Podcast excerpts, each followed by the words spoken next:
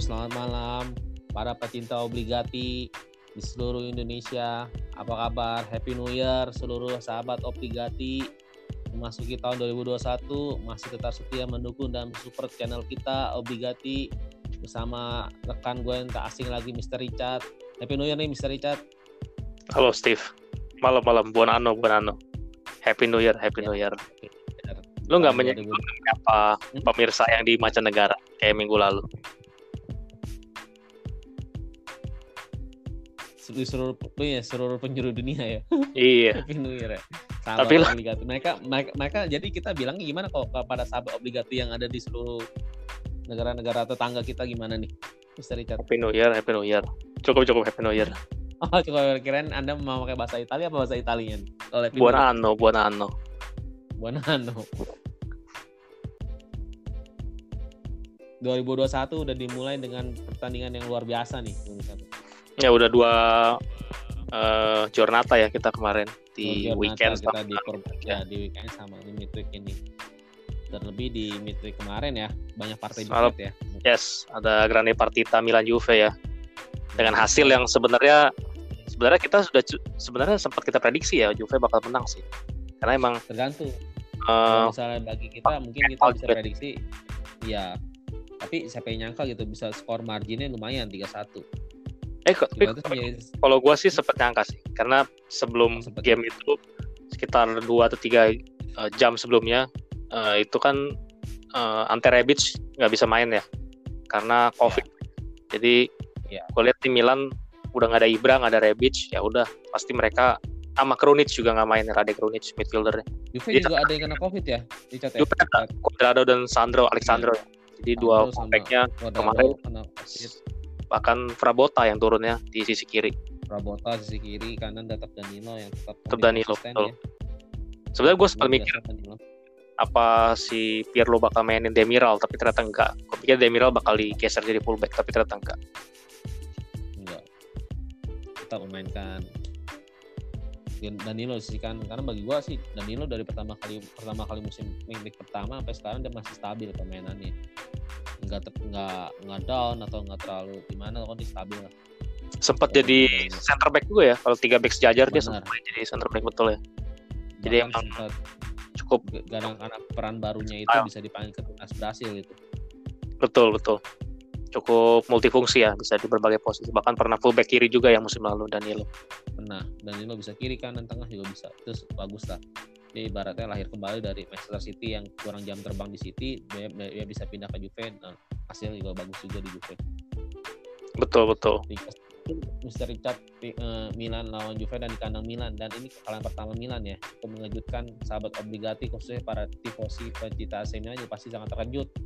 Melihat hasilnya 3-1 Eh, Milan juga kalau gue bilang nggak bilang dia main jelek sih.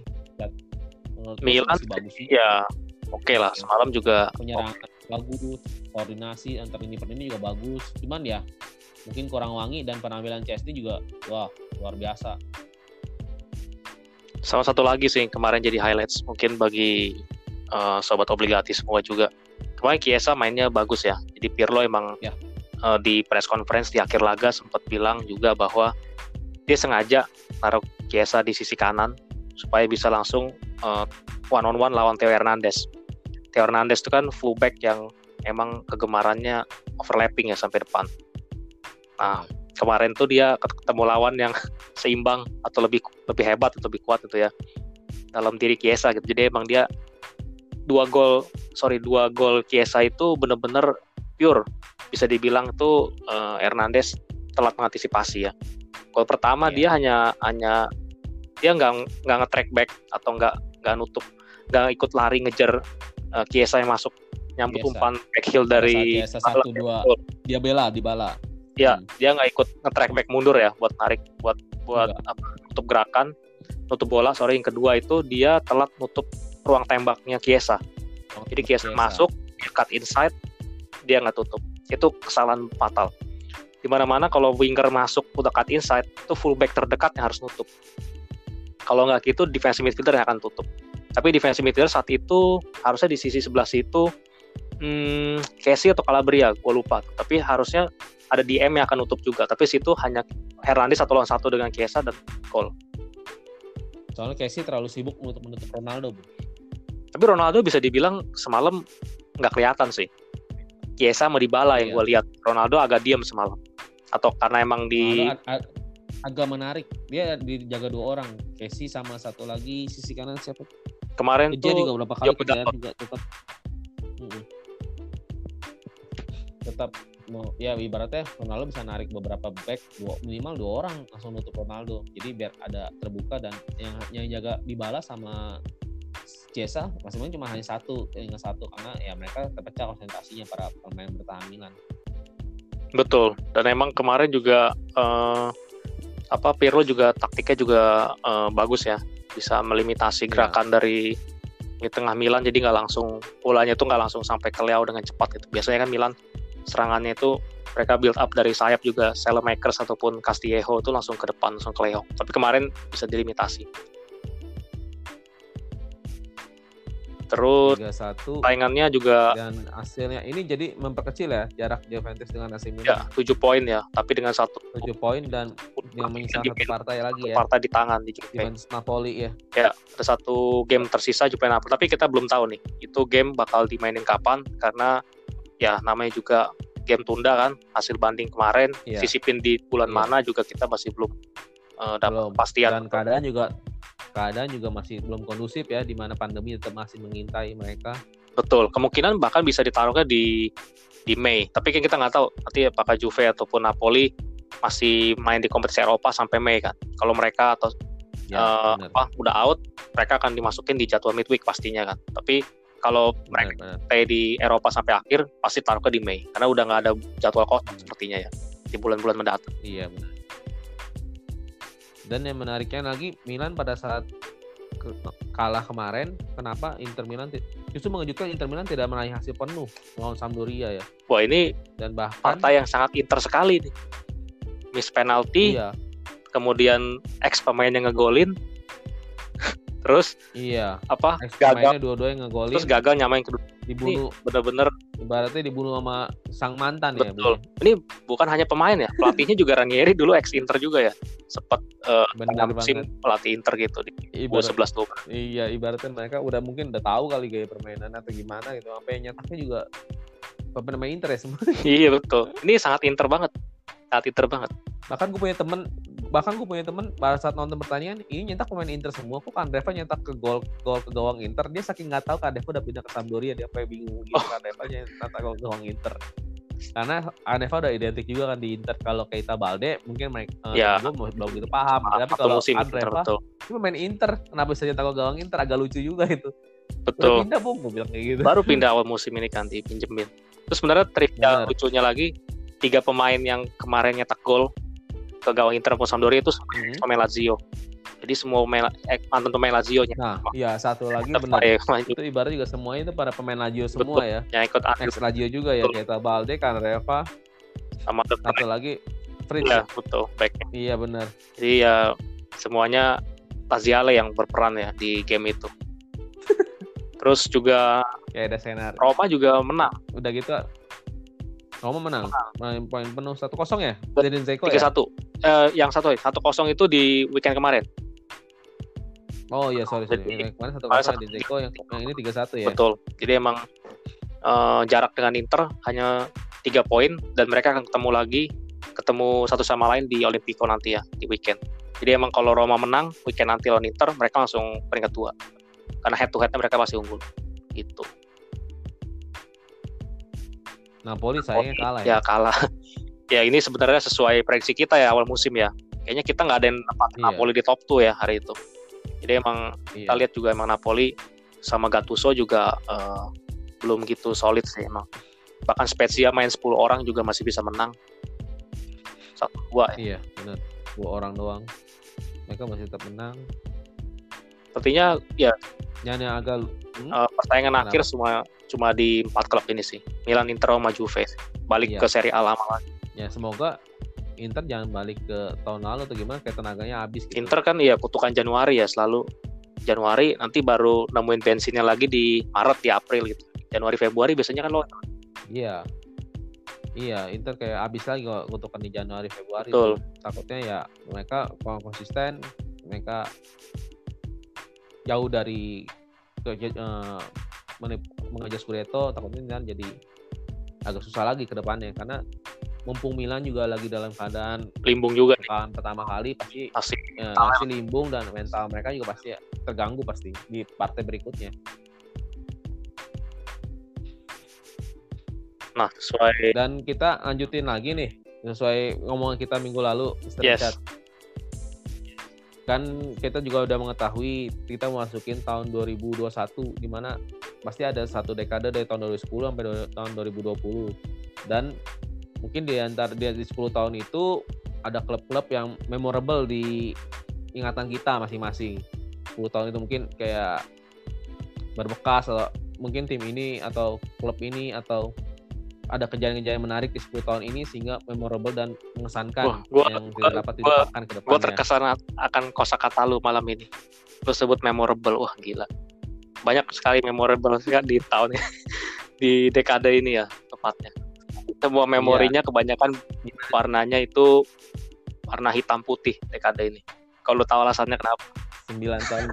iya, 9 tahun berturut-turut ya. Betul memorable sebenarnya dan sampai 100 lebih uh, tolong koreksi kalau gue salah mungkin ada tim gak sih yang nyampe lebih dari 100 poin gitu di Serie A selain Juventus Iya. Setahu gue nggak ada.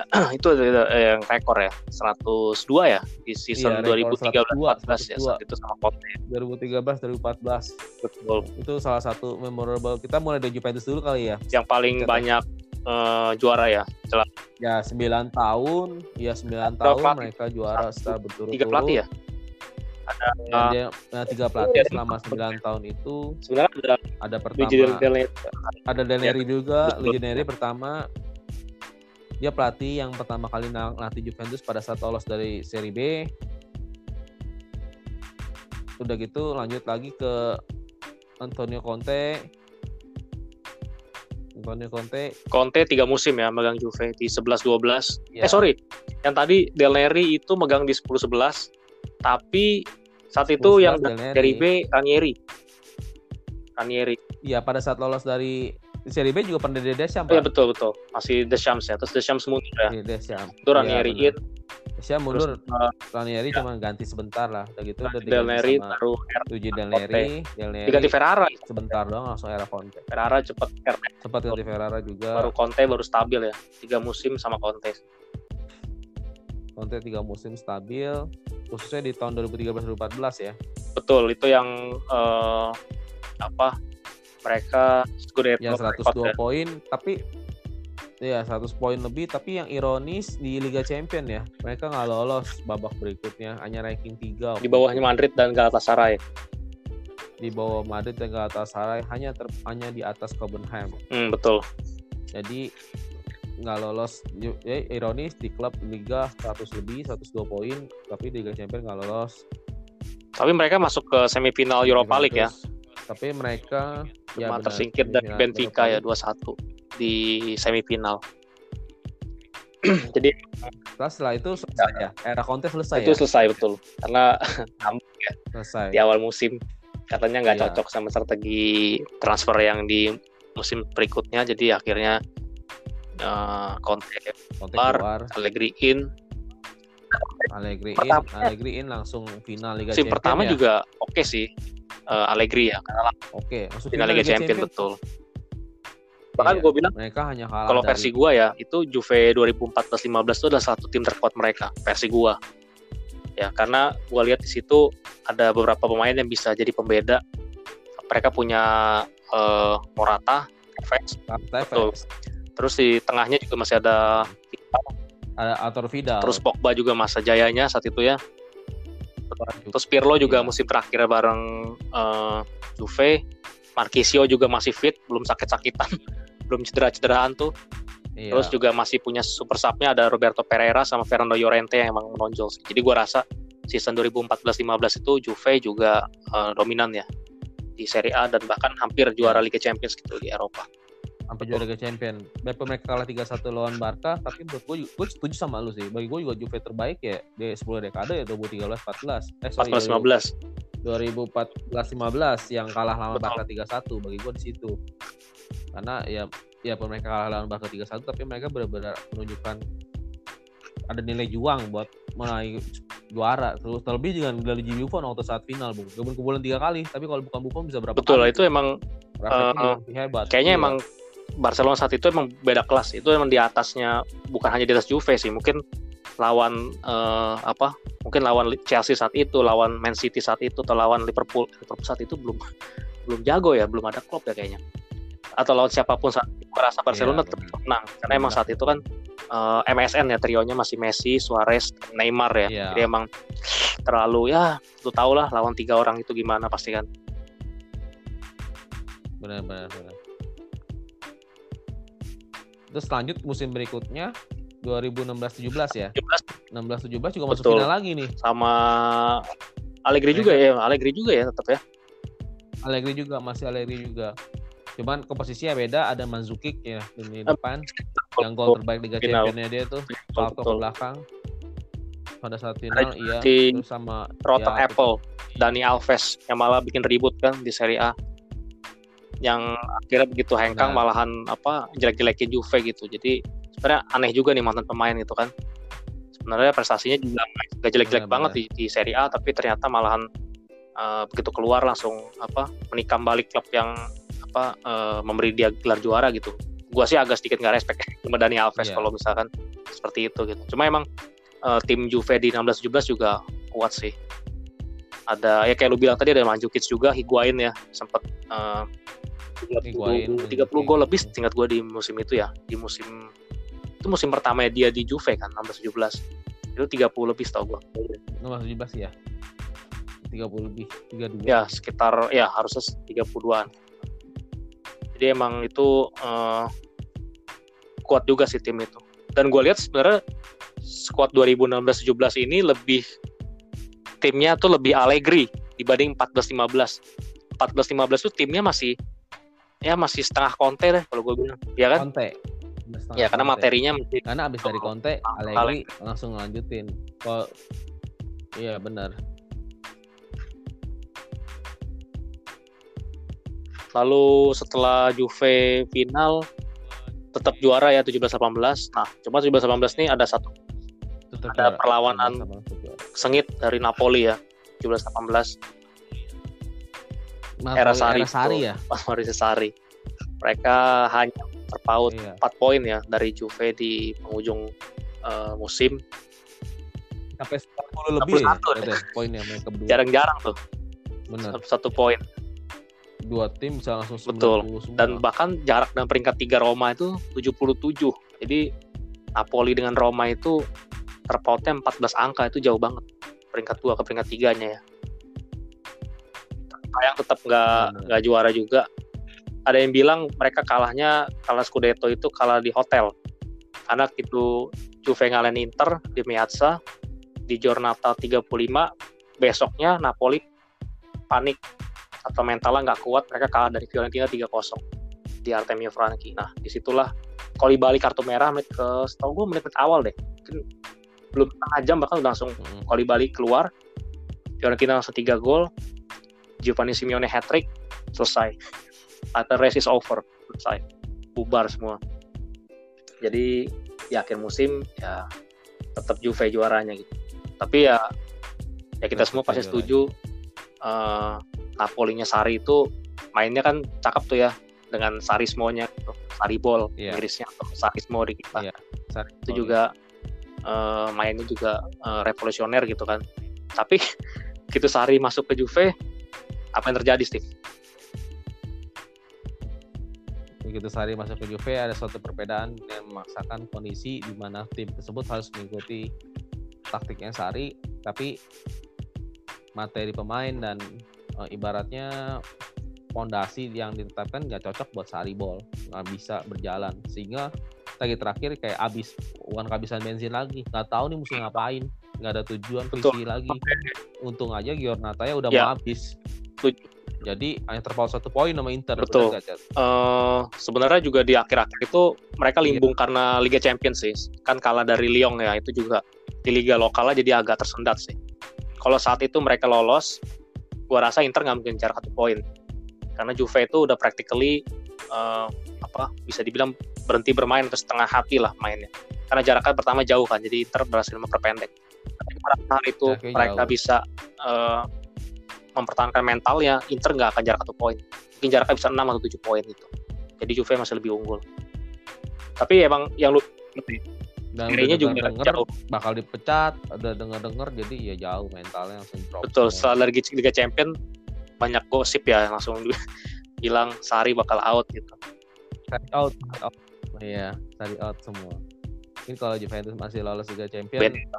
Betul. mentalnya masih beda. tapi ada yang lagi. bilang katanya kurang Jorginho nih lu setuju Jorginho nggak ada jadi nggak bisa Sari ball atau nggak bisa Sarismo enggak. Enggak harus Jorginho.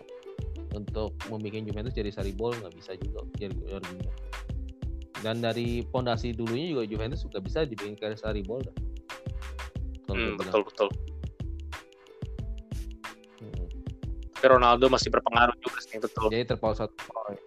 Cuma Ronaldo, ya tetap Iya. game changer sih. Pelatih siapa pun. tak tergantikan ya bahkan sampai musim ini Iya.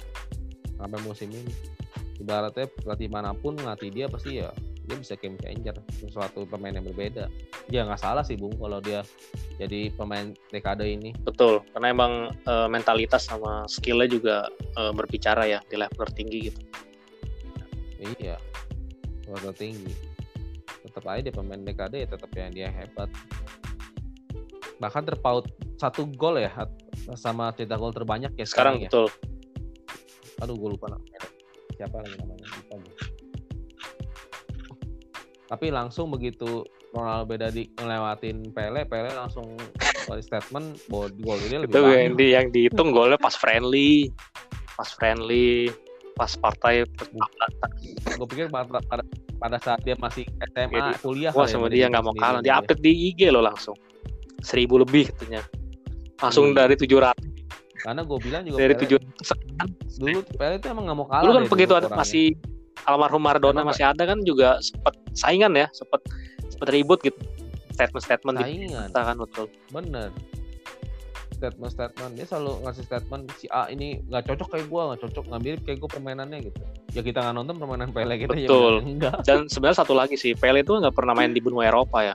Dia mainnya selalu di Liga Brasil bareng Santos Major League Soccer Amerika. M- m- mungkin belum kenal iya belum cuma terkenal kali. Klub-klub lain Liga Brasil Betul, ya, jadi emang sebenarnya sih ya dibilang bagus ya ya kita namanya Pele pasti bagus lah. Cuma tetap aja belum mencicipi kompetisi Eropa itu ada yang kurang gitu ya pasti kurang kurang gimana gitu kurang serk aja sih gua kalau Maradona kan udah udah Serie A udah bisa sempat di La Liga juga gitu kan Iya. Jadi menurut lo kalau pemain yang hebat tuh bisa mesti nggak cuma di klub itu atau di benua itu atau di negara itu mesti agak pindah coba Iya, negara kalau gue setuju gitu. Dan salah satu yang terbaik ya menurut gue ya Cristiano Ronaldo ya. Ronaldo itu menarik nih deh statement lu nih deh statement lu kayak gini karena ada satu pemain yang ibaratnya hebat juga tapi dia nggak pindah-pindah klub si God, masih di greatest of all time, God. masih di masih di, masih di negara itu juga klub itu juga dari sampai sekarang berarti itu kurang gitu Kalau ya. kalau gue Kurang ya, hebat menurut liatnya kurang sih. Kalau buktiin tapi ya, skillnya bagus kan pak bisa itu bohong. tidak tidak usah diperdebatkan kan. Cuma menurut gue kurang tantangan gitu. Kalau Iya. bisa keluar kandang dong gitu nanti. Tapi kan belum juga. kalau kita kalau kita nyebut namanya dikerebut dikerebutin sama fansnya nih pak mungkin sahabat obligatnya dengan fans juga yang mengharapkan dia pindah Oke, pindah ke Inter kita nggak Milan siaran lagi kalau gitu.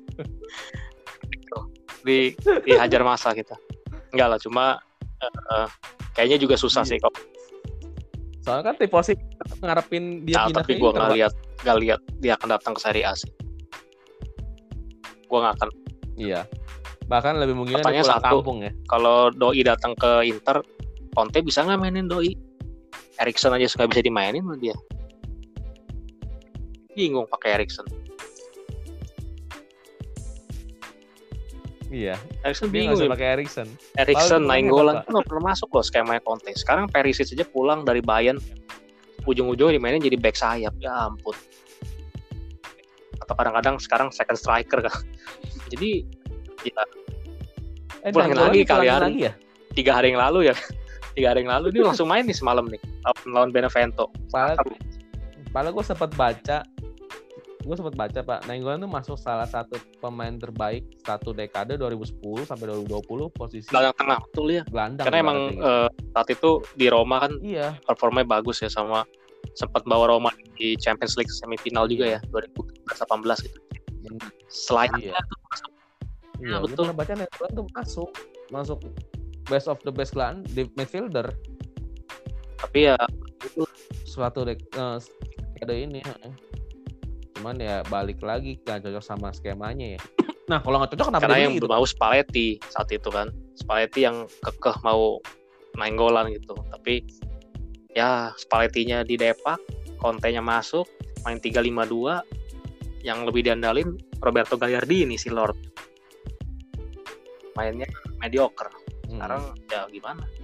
Sama Ultraman Vidal. Yang udah lewat masanya Iya masih ngarepin siapa Masih tahu ada makanya kayak kita nggak ada bekas pak. Kayak tahun depan ya udah habis lah kan. Iya, kalau usia juga masih bohongin tapi kalau ngomong usia kita kayak malu juga sih pak kita ngomong kalau Ada ngomong satu usia, pemain. tetap kalau masalah agak tua. Tetap biarpun usia udah berapa tetap wah. Selatan Ibrahimovic ya. Beda. Lu ngomong bener. Mau Zlatan? Zlatan ya. Udah Milan 2010 2011 nih. Tim pertama di ini ya yang yang Scudetto dijual Scudetto ya. Top skor Ibra ya pak. Kalau salah gue tolong koreksi. Di bener nggak? saat Ibra itu. waktu top skor di Serie A 2011 Iya. apa Immobile ya? Iya waktu pas Milan juara. Ibrahimovic itu berapa gol ya Ibra dia atau Immobile. Setahu gue banyak juga sih. Cuma saat itu juga Eto'o juga banyak di Iya. Inter. Cuma Inter hal itu runner up ya. Selisih 6 poin ya di klasemen akhir. Karena Milan Hmm. 82 gitu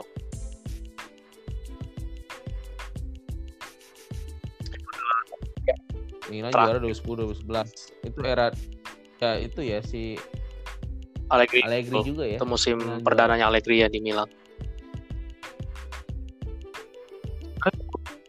Padahal salah satu tifosi Milan pasti mendukung siapa tahu Milan juara ya musim ini. ya. tapi eh, tergantung sih tergantung dari dari mentalitas kayak lu bilang tadi kan setelah kekalahan pertama kita lihat di mana mereka bereaksi tapi gua salut kayak lu bilang Ibra juga eh, ibaratnya dari Scudetto terakhir Milan sampai sekarang juga masih sanggup ya main di level tertinggi walaupun sekarang fisiknya juga udah Sanggup. udah nggak eh, sebagus dulu ya karena sekarang pun cedera ya kemarin lawan lawan lawan Juve eh, nggak main dan katanya baru pertengahan Main. bulan gitu baru baru bisa eh, tampil lagi bener. Tapi tetap ya ya ibaratnya dia masih mentalnya bagus. Cuman ya karena faktor umur ya itu aja agak ringgi aja Betul. ya. kan lebih rentan ya oh gue dapat nih contekan nih Agak Contekan rentan dapet. contekan gue adalah siapa top skor Serie A 2010-2011 sesuai pertanyaan lu. jawabannya bukan Eto bukan Ibra tapi adalah Antonio Di Natale 28 gol Otto Di Natale Oh di Natale. Di Natale salah satu striker best of the Iya. best satu dekade juga tuh. Kalau kita susun tim 2020. best of the best itu Di Natale Bener. masuk ya Di Natale itu sering jadi kanoniere juga karena dia kayak Neri sing top skor di dan klubnya Udinese. Justru itu. kalau menurut gua dia bisa melakukannya di klub semenjana kayak Udinese itu itu prestasi yang luar biasa gitu. Kalau lu top score di ya katakanlah Big Six gitu atau Six Sisters ya Eh, Inter, Milan, Juve, Roma, Hmm. Lazio ya itu nggak heran kan. Tapi kalau lu bisa melakukannya sama klub kayak Udinese itu luar biasa. Iya. Sama halnya dengan Quagliarella ataupun Luca Toni pas di Iya. Verona musim 2014-15 itu juga prestasi yang eh, apa hebat gitu ya karena bisa top skor bersama klub eh, di luar klub besar gitu. Iya, di Natale ya salah satu best striker juga di dekade 2010-2020 di Natale. Bahkan gue sempat baca Higuain betul. masuk juga sih Karena eh, best of striker. koreksi eh sorry koleksi golnya bersama Napoli itu juga eh, tinggi ya. Pernah 35 gol satu musim. Tinggi bener. 35 30 nah 36 gol. 36 gol satu musim. ya 36 gol satu 36 musim. gol. eh musim depannya dibajak Juve. Terus akhirnya para Neapolitan pada ngamuk ngamuk besar. Anggap apa Higuain Iya. tuh bagian dari sejarah mereka gitu. Dia akhirnya eh, terlupakan gitu. Ngomong-ngomong sejarah sebenarnya ada satu tim lagi yang bikin sejarah di dekade ini. Aku tahu tim biru hitam tapi bukan dari kota Milan. Kali ini. Atalanta Bergamo tetangganya satu provinsi tapi beda kota. Itu ya pasti lu setuju juga ya sama Gasperini mainnya juga juga eh, bagus ya. Atalanta 2018 19 sih sampai 2000 sampai musim lalu sih 1920 menurut gua yang terbaik ya. Karena emang materi timnya juga nggak banyak berubah bongkar pasangnya dikit. Nggak ada yang satu pemain pun yang terlalu menonjol gitu kecuali mungkin Papu Gomez ataupun Dufan Zapata.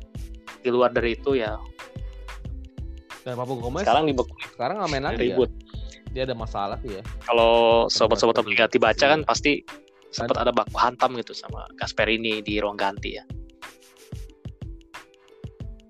Benar. Dan udah mulai terbiasa Iya sih bahkan sekarang semalam ya nyetak melawan Muriel ya Luis Muriel ini.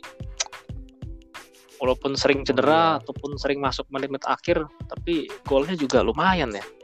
Hampir double digit ya musim ini di Serie A. Dari benar. semuanya dari bangku cadangan. Semalam sih starter sih cuma mostly dia main dari bangku cadangan cuma tetap aja mainnya bagus jadi gua rasa sih Atalanta di bawah Gasperini terutama musim lalu ya 1920 itu memorable ya karena mereka masuk masuk ke Liga Champions Iya, semifinal Liga gitu. champion Ya sorry semifinal Semifinal. quarter final ya. Quarter final sorry sorry. biasa waktu itu Oh ya perempat final ya. Perempat final kalah dari PSG ya di menit Hmm. terakhir itu. PSG itu memorable banget itu dan sekarang di 2020 2021 Atalanta juga Ya lolos betul. lolos fase Si berikutnya. lolos juga di sempat ngalahin juga Liverpool ya kemarin di Anfield 0-2. Nah, juara bertahan Betul. mereka bisa kalahin dan mereka bisa lolos dan memulangkan tim-tim besar yang biasanya lolos. Nah, tapi di liga lokal agak terseok nih. Baru 28 poin mereka. Agak agak terseok karena harus membagi konsentrasi ya sama kompetisi Eropa gitu. Membagi ya, konsentrasinya Eropa, Eropa konsentrasi mm, membagi Eropa sama lokal sama itu Ya, betul. Sama ada masalah kemarin. kan. Eh, kasus Papu Gomez ini. bener tapi kalau misalnya Gasperini eh, menurut lu bener gak faktor Gasperini jadi kalau Gasperini ditarik dia bakal goyang atau gimana apa ada masalah Kalau menurut gua sih sedikit banyak itu Oh, Sumama dari- main- ya, main dari Gasperini dan taktiknya sih. Karena karena dari beberapa contoh ex pemain yang pindah ya dari Atalanta, kita sebutin aja deh kayak misalkan Mattia Caldara ke Juve ke Milan, kemudian Andrea Conti ya ke Milan sekarang, terus Leonardo Spinazzola di Roma, ada Roberto Gagliardini di Inter, Frank Kessie di Milan. Itu sebenarnya mungkin cuma satu atau dua, mungkin seperti Kessie maupun uh, Spinazzola yang mainnya tetap stabil di level tertinggi. Sisanya itu mainnya melempem di klub barunya. Karena apa? Karena skemanya nggak sama dengan pakemnya Gasperini. Jadi gue beranggapan Gasperini ini ya kuncinya Atalanta gitu. Kalau nggak ada dia, ya mungkin Atalanta nggak se sejago ini. Kalau menurut gue nih ya. ibaratnya betul. Jadi dia ya, penyihirnya ya, ibaratnya sosok ya, vital deh di Atalanta eh, tahun-tahun ini gitu. Sebenarnya sejak 2016 agak agak meroket ya. Sekarang Iya, ini udah udah eh, prestasi Iya. tertinggi mereka sih gitu.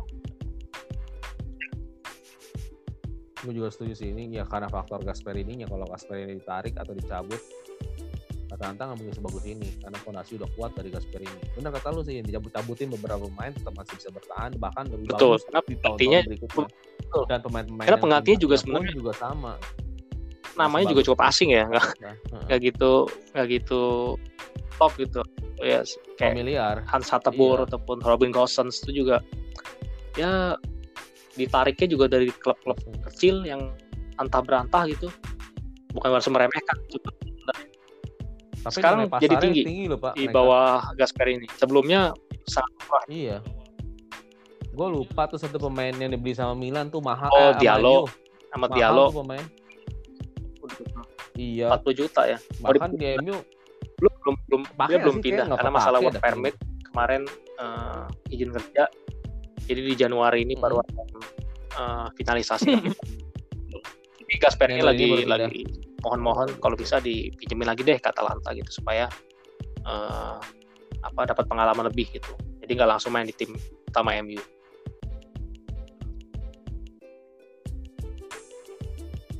Di ya. Atalanta 120 ada tim lagi?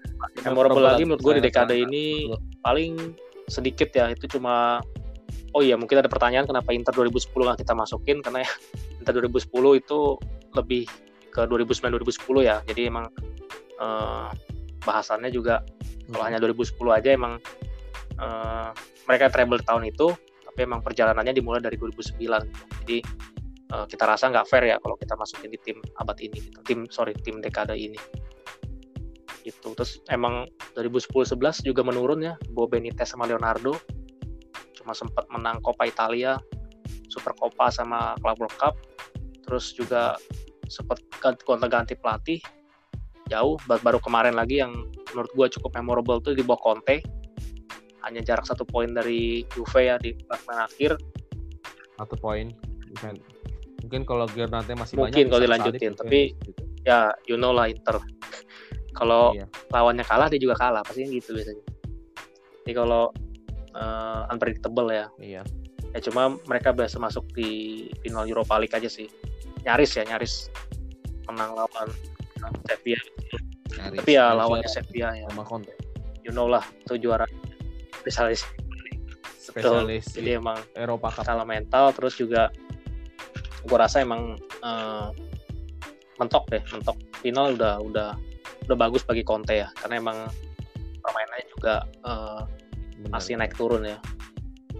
Jadi gua rasa ya paling kalau kita recap dekade ini tetap didominasi sama Juve ya. Jadi kita setuju tadi timnya Juve di bawah Conte. Menurut tuh terkuat di 2013-14 ya.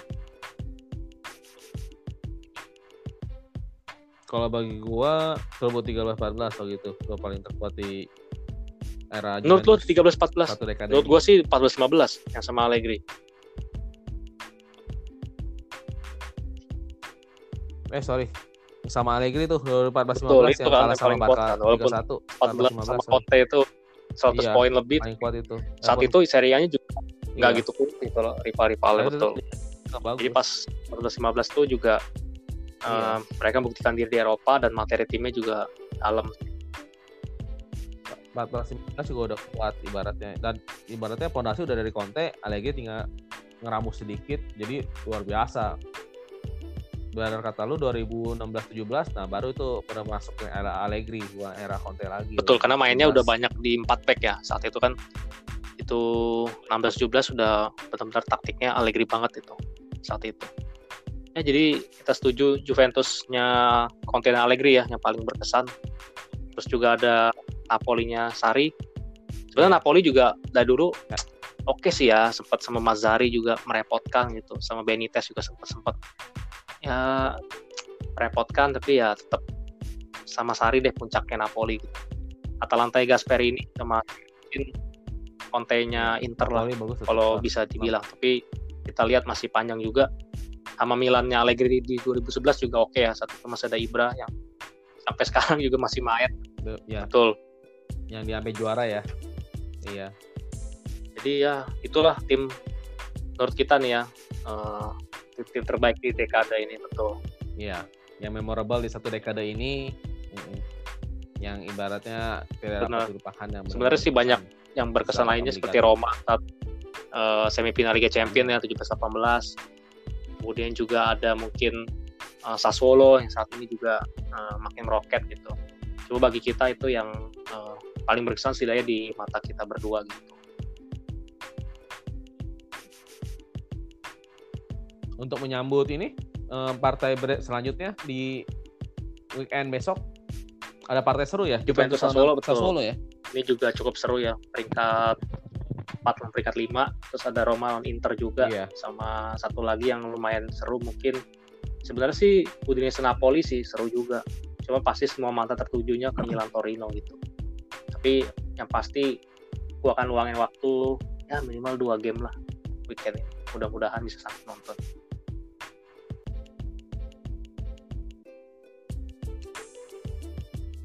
Milan Torino ya Milan Torino gua akan lihat kenapa nih? eh, gimana Milan? Bounce back lagi ya. Bukannya pasti bakal Milan oh, oh recovery dari Milan betul ya, tapi Torino lagi ya. unbeaten nih. Di beberapa laga terakhir sama Giampaolo tiga laga terakhir mereka unbeaten ya. Dua kali imbang satu kali menang.